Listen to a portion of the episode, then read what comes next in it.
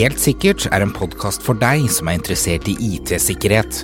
Her tar vi opp aktuelle nyheter, diskuterer dagens sikkerhetsutfordringer og deler gode råd for hva du bør tenke på rundt sikkerhet.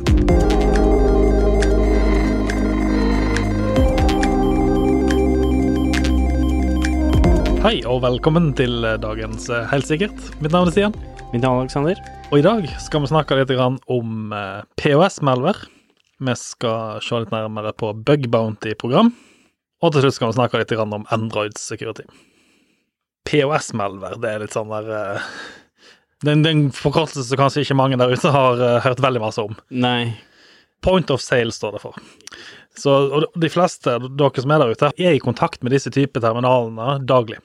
F.eks. i kantinesystemet, hvis du bestiller pizza, og pizzabudet kommer på døra om å få det betalt med kort. Det kan være også kontantterminaler, trenger ikke være kort. Eh, Når du går i kassa på Coop og betaler i en sånn selvbetjent kasse, så møter du disse POS-terminalene.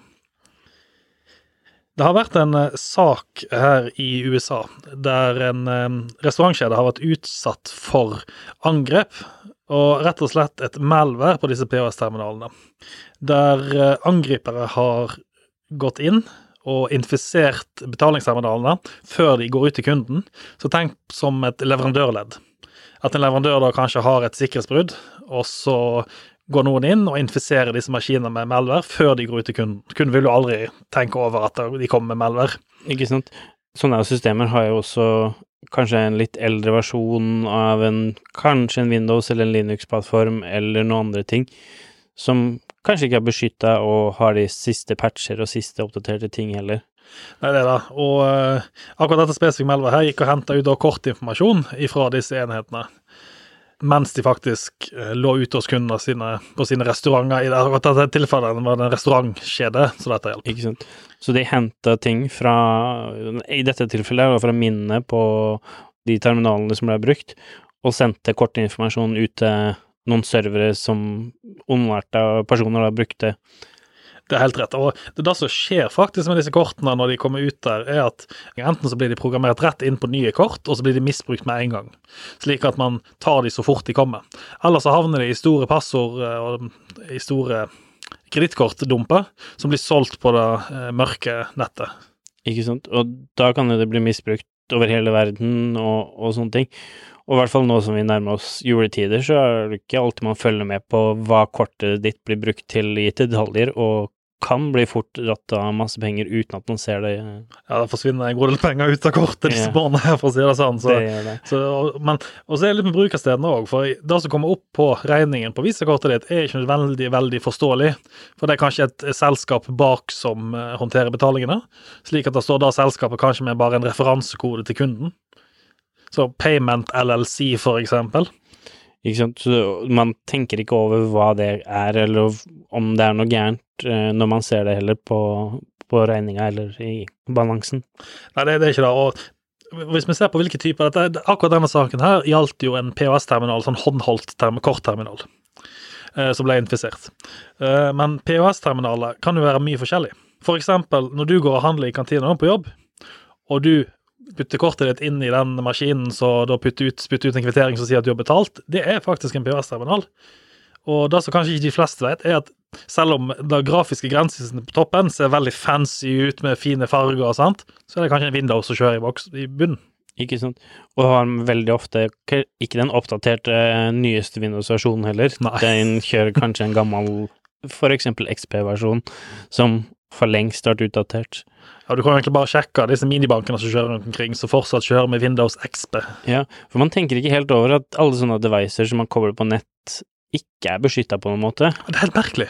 Og det, det, det er sånn rar tanke. Jeg skjønner ikke den tankegangen. Nei.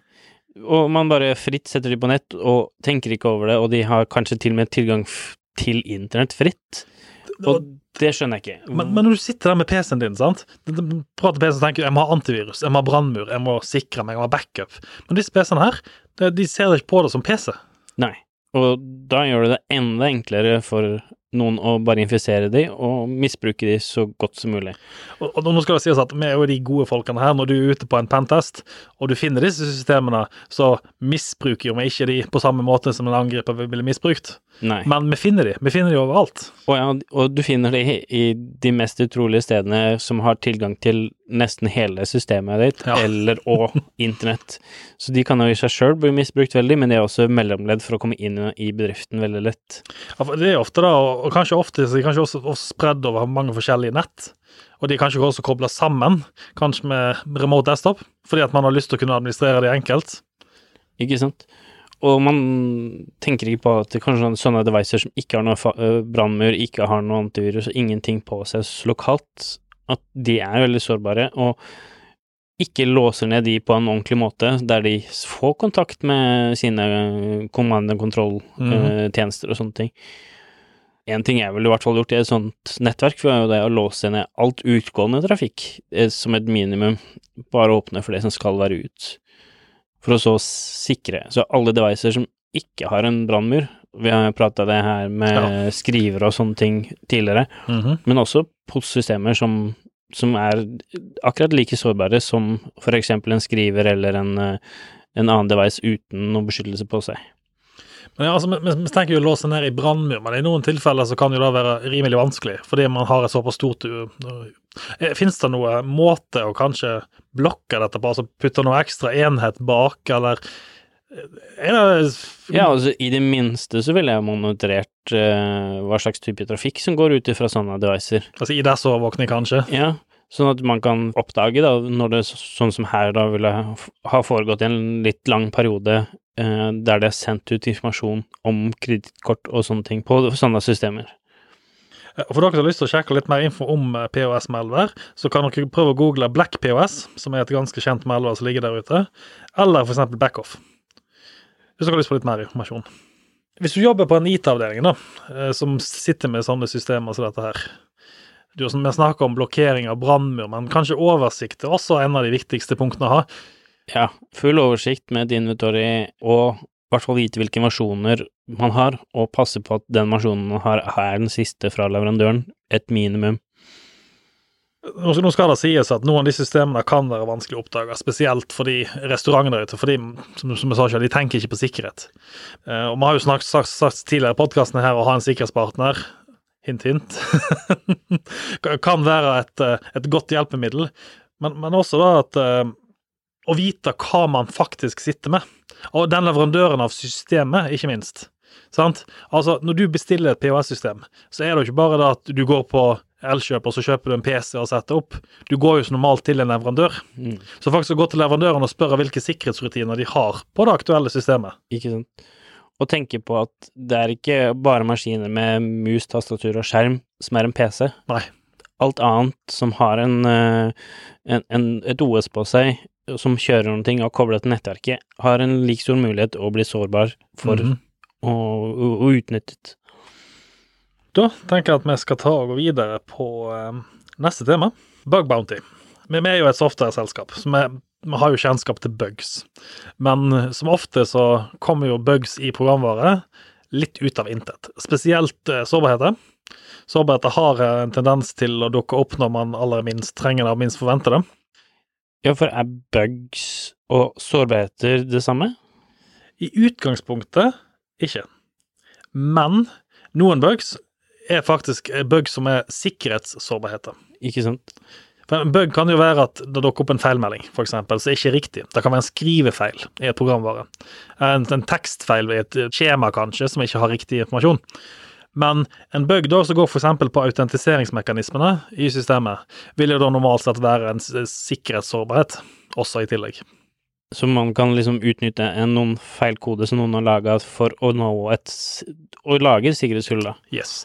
Og å finne disse feilene er ofte veldig kostbart. Spesielt for de kanskje litt mindre organisasjoner der ute som ikke har da mulighet til f.eks. å kjøre code review på alt man gjør. Man er mer opptatt av kanskje å få det ut i produksjonen fortest mulig, fordi at det genererer jo inntekt.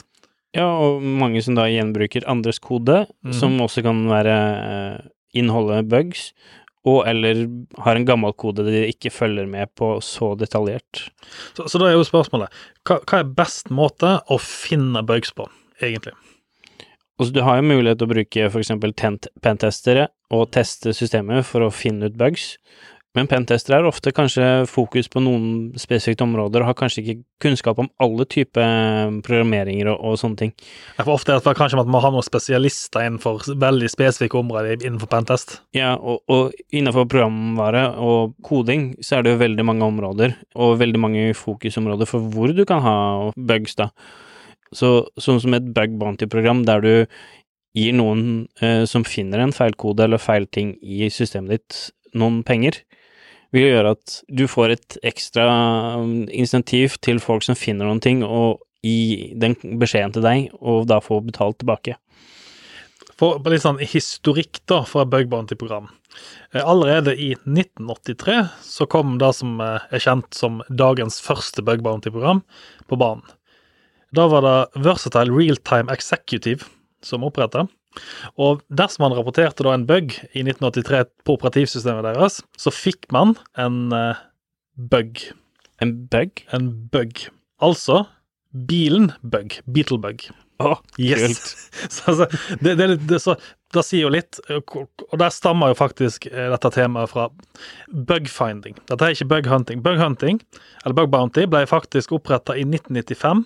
Og for dere som er litt eldre der ute, kjenner kanskje til dette eh, selskapet som heter Netscape. Ja. Det var vel en browser i gamle dager, Det var en eh, sånt. browser i gamle dager som eh, var godt brukt, for å si det sånn. Og de, de oppretta da i eh, 1995 begrepet bug bounty, fordi de ønska å få inn de som jobber i Netscape, til å finne bugs i programvaren, og så rapportere de inn. Og dette har jo balla på seg eh, over tid, slik at nå de fleste store selskaper i dag, slik som Intel, Microsoft, Mozilla, har jo i dag bug bounty-program. Og de har gått litt tilbake igjen til 1983. Før så var det ofte sånn at man rapporterte en bug, og så fikk man credit for bugen. Og nå tror jeg du får ganske veldig godt betalt for å finne en bugs hvis den er en riktig versjon, eller riktig sårbarhet du finner. Det da, I 1995 som hadde, så hadde Netscape et budsjett på 50 000 dollar for, eh, bare for hele prosjektet med å finne bugs. Og i dag eh, har, La oss si at budsjettene ligger på millioner av dollar istedenfor. Ikke sant? Og jeg leste at Microsoft har en uh, maksutbetaling på en bug på 250 000 dollar For en zero day. for en zero day som du finner. Mhm. Så finner du en bug uh, som kan utnyttes og faktisk være kritisk sårbar for mange, så får du veldig godt betalt. Det, da, så, så det er blitt litt business, da. Og, det er jo egentlig supersmart for disse her selskapene som faktisk er på jakt etter. Disse sårbarhetene, f.eks. en Zero Day i Microsoft Windows, kan ha så store konsekvenser for alle som har Windows, at da å betale penger for det, når du først har det, det, det er ingenting i forhold til faktisk skal bli utnytta. Og alternativet med å ha et bug bounty-program, vet du hva det er? Nei, ikke finne noen ting, eller Nei, det bruke pentestere? Det er enda verre, faktisk. Det er da at de som finner disse sårbarhetene, for de finner de uansett, selger de da til selskaper som selger de videre til andre personer, så utnytter de.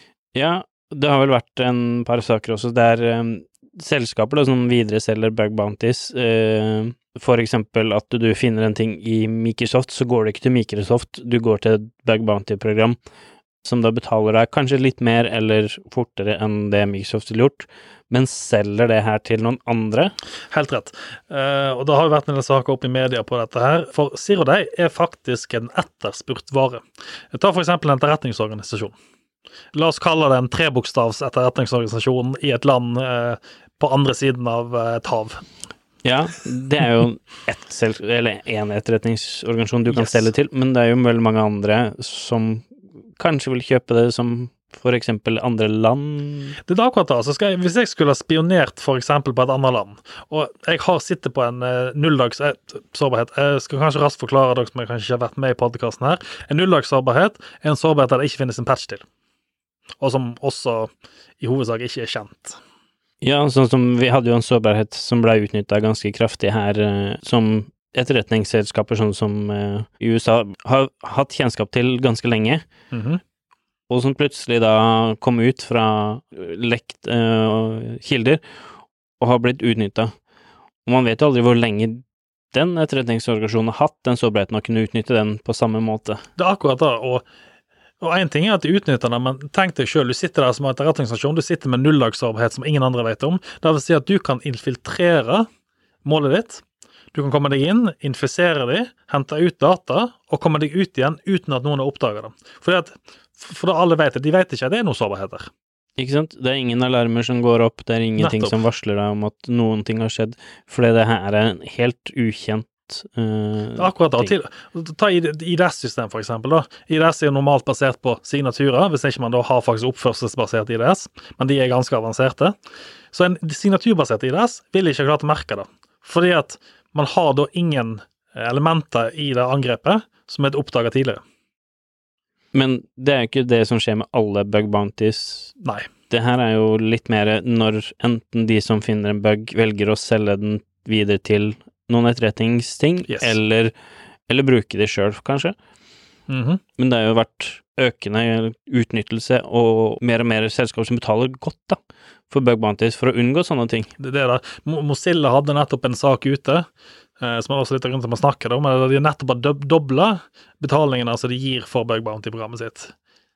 Fordi de ser det at istedenfor å selge bug bounties til Mozilla, kanskje folk har valgt å bruke andre, så de øker Ta, ta for eksempel et eksempel fra 2014. da, Så eh, Adobe-sårbarheter, prisen på de kunne gå fra et par tusen dollar opp til 100 000 dollar for en sårbarhet. Og det er Adobe. Det er Adobe. Yes, det, det er ikke et operativsystem engang. Det er, Nei, pro- det er en programpakke. program. Ja, sant? Og eh, jeg tror Apple hadde noe lignende som 200 000, mm -hmm. og, og nå har Microsoft noe rundt 250 000 dollar. og, og, og noen av disse selskapene som opererer, er selskaper som det, det, det er lov å selge disse typene informasjon. De opererer som helt lovlig. Og så har du de da som selvsagt opererer litt mer på gråmarkedet og litt mer på sortmarkedet. Den, disse her, den trebokstavs eh, NSA, som eh, de ble kritisert tidligere for å ha vært ute og kjøpt sier de sårbarheter spesifikt. Ja, de kjøper de, og varsler i hvert fall ikke Microsoft om at de har en sårbarhet. Nei, og det, det er faktisk det aller farligste med dette her. Fordi la oss nå si at eh, vi har en nulldagsarbeid i Windows. Den blir da solgt til en tredjepartsleverandør som velger å utnytte den. Hva skjer normalt sett med nulldagsarbeidheter? Jo, noen andre oppdager det på et tidspunkt. Så, og så begynner de å utnytte dem. Så man kunne egentlig ha forhindra alle disse angrepene som kom. Ikke sant? Det er liksom bare de som har kanskje oppdaga de først, som har noen mulighet til å finne ut om de ble utnytta eller ikke. Alle oss andre sitter jo helt blinde og, og, Nettopp. Og vet ikke om at de blir utnytta. Og sånne sårbarheter som da NSA har hatt, eh, har jo vært sårbarheter som har finnes i, i eksempel i Windows i årevis. Og det er ikke bare helt nye bugs, det er ting som de har visst om ganske lenge og kan utnytte uten at noen har oppdaga det. Et av de beste eksemplene på en, en slik sårbarhet, eller et slikt virus som ble brukt til et eh, sårbarhet, er jo Stuxnet. Eh, Stuxnet eh, ble oppdaga i 2010, og på det tidspunktet det ble oppdaga, så ble det også funnet ut at den har vært i utvikling allerede siden i 2005. Så fem år utvikling Ja, på, det, en, på et virus. og det var jo ikke bare én sårbarhet du utnytta, det var jo flere. Ja, det var et utall mange sårbarheter som ble brukt. Det var også oppdaga mange forskjellige versjoner av Stuxnet i tillegg. Det, det skal sies. Nå har vel ikke den blitt akkreditert til noen veldig spesifikt, men eh, den har vel blitt sagt at eh, med tanke på at den angrep eh, Iran sin eh, prosessering av uranium, så er det vel ikke så veldig mange som kan ha interesse av det og kanskje ha kompetanse på å gjøre dette her. Eh, NSA har vel kanskje blitt nevnt som en mulig aktør der, men Og det viser jo bare til at det her var det et målrettet angrep for å utnytte noen spesifikke sårbarheter i en type maskin eller noe sånt, men de sårbarhetene kan jo egentlig bli utnyttet til hva som helst, og hvis ingen varsler om det når du først finner de, så ligger de jo der lenge, og det er ingen måte for leverandøren å, å finne ut av det før det kanskje blir masseutbrukt uh, av flere, sånn som Stuxnet som spredde seg veldig fort mhm. ble oppdaga bare av at det var så mange ting som skjedde. Hadde de gjort kanskje litt mer stille at man gikk mot én og én maskin, så kanskje aldri det hadde blitt oppdaga. Nå skal det jo sies at eh, Stuxnet er en såkalt APT, en Advanced Persistent Threat.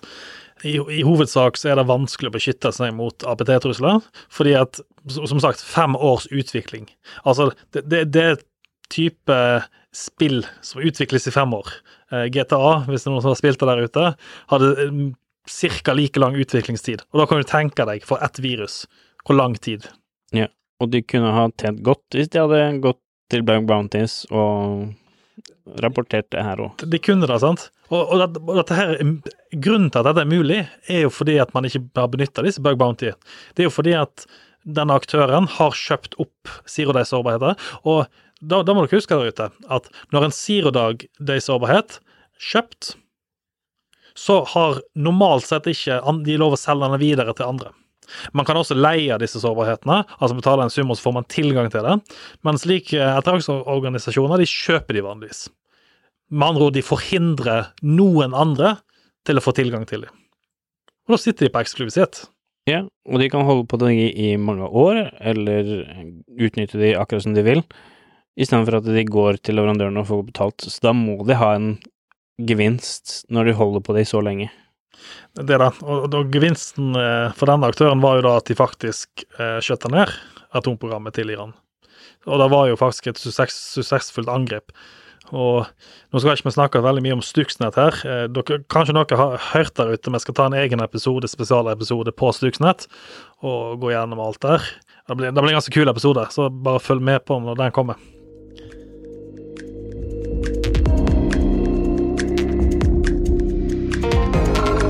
Vi skal ta og gå videre på eh, vårt eh, siste tema for eh, denne episoden. Ja, kan vi kalle det spionering? Vi kan kalle det spionering. Um, det har blitt oppdaga en sårbarhet i Google, i Google Android spesifikt, der angrepet kunne ta kontroll over brukeren sitt kamera og mikrofon. Selv om man sletter appen og stopper appen, så hadde fortsatt angriperen hatt tilgang til disse funksjonene. Ja, og det var jo ikke sånn at du forsto at uh, den appen her kunne bruke kamera heller. De hadde gjort det så convert at ingen lyd eller mulighet til å se at kameraet ble brukt yes. Det var mulig. Og det var ikke en app som hadde fått lov til å få tilgang til kamera engang. Dette var jo en app som bare hadde tilgang til media, mm -hmm. uh, og ikke kamera, men allikevel fikk tilgang til å, å utnytte kamera til og med når mobilen var locked. Ja, det er det, det, det, da. Så hva, som du sier, vanligvis så spør jo appen deg om tilgang til de forskjellige permissionene. Og eh, dere som sitter der ute, jeg, jeg er veldig eh, Jeg skulle til å si forsiktig, men jeg er egentlig ikke det. For når jeg har lyst på en app på telefonen min, så må jeg sitte og gå gjennom alle permissionene. Og hvis jeg trykker deny på noen, så får jeg ikke appen. Nei, ikke sant. Og har du gjort det med alle appene på telefonen din, og følt med på når det kommer en oppdatering, hvilken endring de har gjort Nettopp, for å få tilgang til nye ting. Det har vært ofte brukt uh, det her med permissions fatigue mm. på, på, det her med apper, at det er så mange ting man må sjekke og følge med på at man gidder ikke engang. Og, og, da gir man bare alle appene nesten full tilgang til hva de vil. Nå skal, nå skal, jeg si at jeg, er sikkerhetsfokusert, men til og med disse tingene her, man går så dypt ned i materien at det er vanskelig å holde fokus på det. Rett og slett. Ikke sant? Men akkurat denne sårbarheten her var som sagt ikke noe man sjøl ga tilgang til, som du sier. Eh, appen i seg sjøl utnytta denne sårbarheten og ga seg sjøl tilgang til disse rettighetene. Og ja eh, Hva skal man si? Ja, også i denne tilfellet her så kunne du da utnytte kamera både når telefonen var låst og ikke. Ja. Du kunne utnytte kamera når du hadde en telefonsamtale, og kunne høre både lyd fra den du prata med, og deg sjøl, så du kunne spionere på uh, samtaler. Mm -hmm. Og du kunne sende alt den dataen her ut av telefonen. Det er ingenting som nødvendigvis trengte å være på telefonen og ta plass på telefonen med en gang. Da minner jeg på litt, for at på PC-en min så har jeg en sånn fantastisk fin uh, skjermbeskytter på, på kameraet, som gjør at jeg kan stenge ned kameraet at ingen andre kan se meg. Men jeg har det ikke på telefonen. Og den telefonen har jeg med meg overalt. Hvor mange av dere der ute har ikke med telefon på dass? Nå, nå, sier ikke dere igjen noe luguber på den dassen, men dere har fortsatt telefonen med dere, og den telefonen har normalt sett både kamera foran og bak. Ja, og det her var jo kamera og mikrofon, mm -hmm. så du kunne høre når du for eksempel prata med noen, eller var et sted du ikke skulle Så skulle være. Mm. mm. Men hvis vi ser det til en bedriftssammenheng, da. Eh, la oss si at telefonen din nå er infisert. Hvor mange av dere der ute har ikke med telefon i møte, f.eks.? Jeg, jeg har med telefon overalt. Jeg er avhengig av å ha den telefonen, for jeg har For det første, så hvis folk ringer meg mens jeg er i et møte, så må jeg kunne ta telefonen. ja, Det kan og, være noe kritisk. og si du at du prater med noen sånn som hvis du skal ta opp et lån i en bank, og du prater med noen, Mhm. og noen lytter på deg, så kan du jo da opp, fange opp alt avtalt eh, og ting, og, og kanskje ringe banken og gjøre noe med det her senere, ikke sant. Det da. Så, så det finnes veldig mange muligheter å utnytte det her på. Det er jo ikke bare spionering, eh, men også noe man kan lett få en gevinst ut av. Og nå kom jo jeg fra forsvarssektoren, og du har jo sjøl eh, jobba innenfor forsvarssektoren, så vi vet jo hvilke type sikkerhetsmekanismer man har der for å beskytte seg. Eksempel, der tar man ikke telefonen med inn i møterommet. Ikke sant? Og, og man låser den på utsiden og, mm. og sånne ting. Men du bruker telefonen til allting etterpå Yes. og, og, sånne ting. Og en lett samtale en gang for å avtale noen ting. Så det er så mye man kan fange opp hvis man har tilgang til sånne ting. Og I hvert fall i dette tilfellet der du har en app som ikke egentlig har tilgang til mikrofon og, og, kamera, plutselig da har mulighet til å lytte. Så man har ikke noen mulighet til å, å isolere eller si at det, appen er ikke lov for det har tilgang til Ja, det, det, det er litt da, og akkurat dette tilfellet her, på den sårbarheten, så var det dersom eh, appen var tilgang til storage, så fikk han også tilgang til kamera. Så sånne ting som mo- mobilmanagementsystemer som da sier at alle apper som man skal ha tilgang til kamera og mikrofon, er ikke tillatt, Mhm. vil jo tillatt dette eh, appen, for det her var bare til media. Ja. Og så hadde du fortsatt fått tilgang. Man må jo se i kode og faktisk oppdage sånne ting. Ja, eh, og da gir jeg ikke med. Altså, ingen som har kapasitet til å gå inn i koden på det. Men det, det er det som du sier, et NDM-løsning på en mobiltelefon, slik at du i forkant sier at hvilke apper som er lov. Og nå, nå sier jeg ikke dere der ute at dere skal være superstreng med brukerne deres, men fjern iallfall mesteparten av muligheten for å installere apper. Og hvis bruker har f.eks. behov for en app, så gå gjerne inn og verifiser at appen faktisk er det den sier. For det har jo vært tilfeller tidligere, som jeg også har snakka om i denne her podkasten her, at det har vært apper som er sårbare. Sist gang så tror jeg Google fjerna 300 apper fra Android Play Store fordi de var sårbare.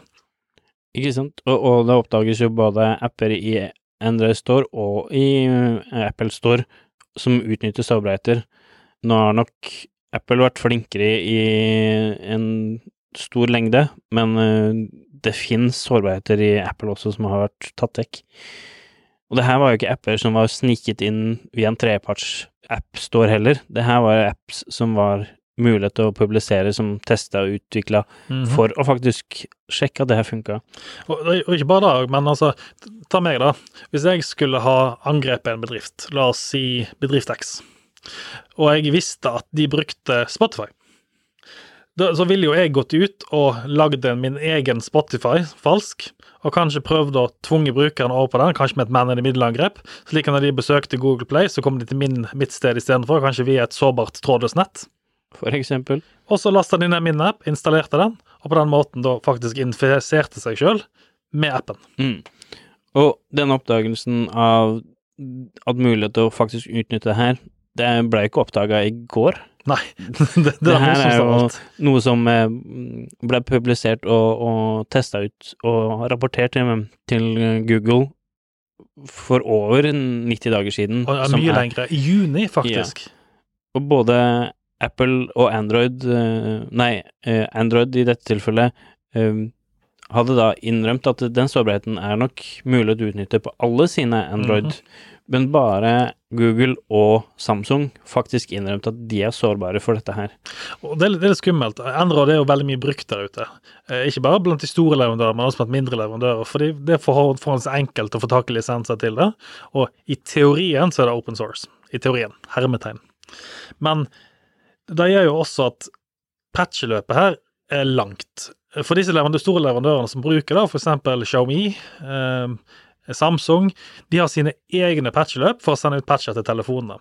Selv om Google går ut og sier at vi har en sårbarhet, så må det fortsatt gå gjennom disse leverandørene. Og vi ser ofte at sårbarheter tar veldig lang tid fra Google publiserer de, til faktisk de store leverandørene gir ut sine egne patcher til systemene. Så i dette tilfellet så var jo de som oppdaga de sårbarhetene her, de var jo klare til å publisere det ganske tidlig. Eh, De hadde avtalt med, med Google at eh, ok, vi får patcha og levert patcher her, så eh, Google sin standard 90 dager var faktisk det som var målet. Mhm. Men på grunn av Samsung som kom tilbake, kom og sa at dette her er noen ting vi ikke klarer å rette på innafor den tidsfristen. Så de som oppdaget så ble den da, uh, forlenga releasen sin på hva som faktisk var mulig. Og da skal, jo sies at eh, Google og Samsung de er nok de flinkeste i klassen når det kommer til disse tingene her. Ja, de er ikke de som bruker lengst tid. For noen, i noen tilfeller, så kan det ta faktisk opptil kanskje et år uh, før eh, de som oppdager en bug, blir enig med en leverandør på å release hva de har funnet. Og da liksom snakk med bug bounty-programmene de har jo også sånne type disclosure agreements, slik at man ikke skal gå ut og publisere det før det har gått en viss tid. Og vanligvis 90 dager, er det vel som du sier. Ja, Google har da hatt en default på 90 dager. Det er veldig mange andre leverandører som ikke klarer å forholde seg til de 90 dagene, så de spør de som oppdager bug bounties, å få utlenga tiden, sånn at de kan faktisk rette og patche systemene sine. Så, så hvis dere der ute nå skal ta med dere én ting eh, fra dette her, så er det kanskje MDM-ordet. Eh, Mobile Device Management. Ja, det er i hvert fall en god start, der Mm. du har full kontroll på hva som er installert, sånn at hvis det blir oppdaga av en sårbarhet i en app som noen har brukt i bedriften, så har man mulighet til å oppdage det, se det og fjerne appen.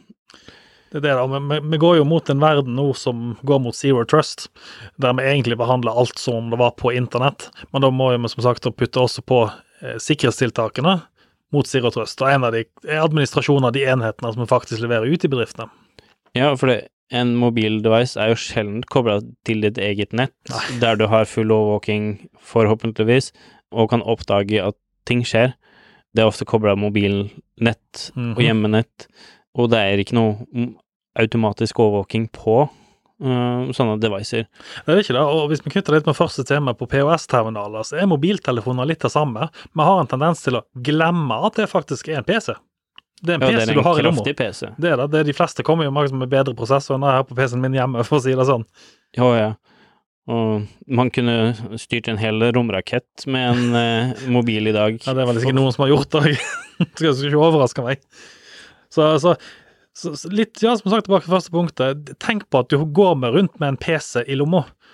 Det er en PC, Noen i tilfeller så er den kanskje litt bedre herda enn en PC med Android som er kanskje litt mer låst ned, men det i alle tilfeller så er det en PC, og du må behandle den deretter. Ja. Så alle de vanlige sikkerhetstinga, sånn som en eh, antivirus, en, en oppdagelse av programvare som kan være skadelig, Mhm. og eventuelt noe monitorering, det er nok noe som er i hvert fall anbefalt i, i store grad der man bruker mobilen til både privat og bedrift. Og lite tips til dere der ute også, hvis du skal ha antivirus på mobiltelefonen, ikke gå på Google Play og bare installere, for der ligger det veldig mye som kaller seg antivirus, men egentlig ikke er det. Ja, det er mye late som antivirus. Så, så gå til deres IT-leverandør i så fall, få de til å komme med en anbefalt løsning eh, til en antivirus på mobiltelefonen deres. Og en MDM-løsning. Husk det, MDM, stikkordet. Ja. Full management der du kan oppdage når programmer som er eh, sårbare, er installert på telefonene du har. Det var alt uh, som vi hadde i dag, eh, Alex. Ja, vi hadde jo ganske lange temaer her, så Så håper dere ute har en fortsatt uh, riktig fin dag. Så snakkes vi i neste episode.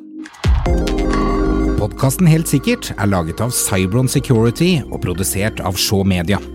For mer informasjon om IT-sikkerhet, gå inn på cybron.no, eller så finner du oss også på Facebook under navnet Cybron Security. Vi tar gledelig imot innspill, tips, eller om du har spørsmål rundt din IT-sikkerhet.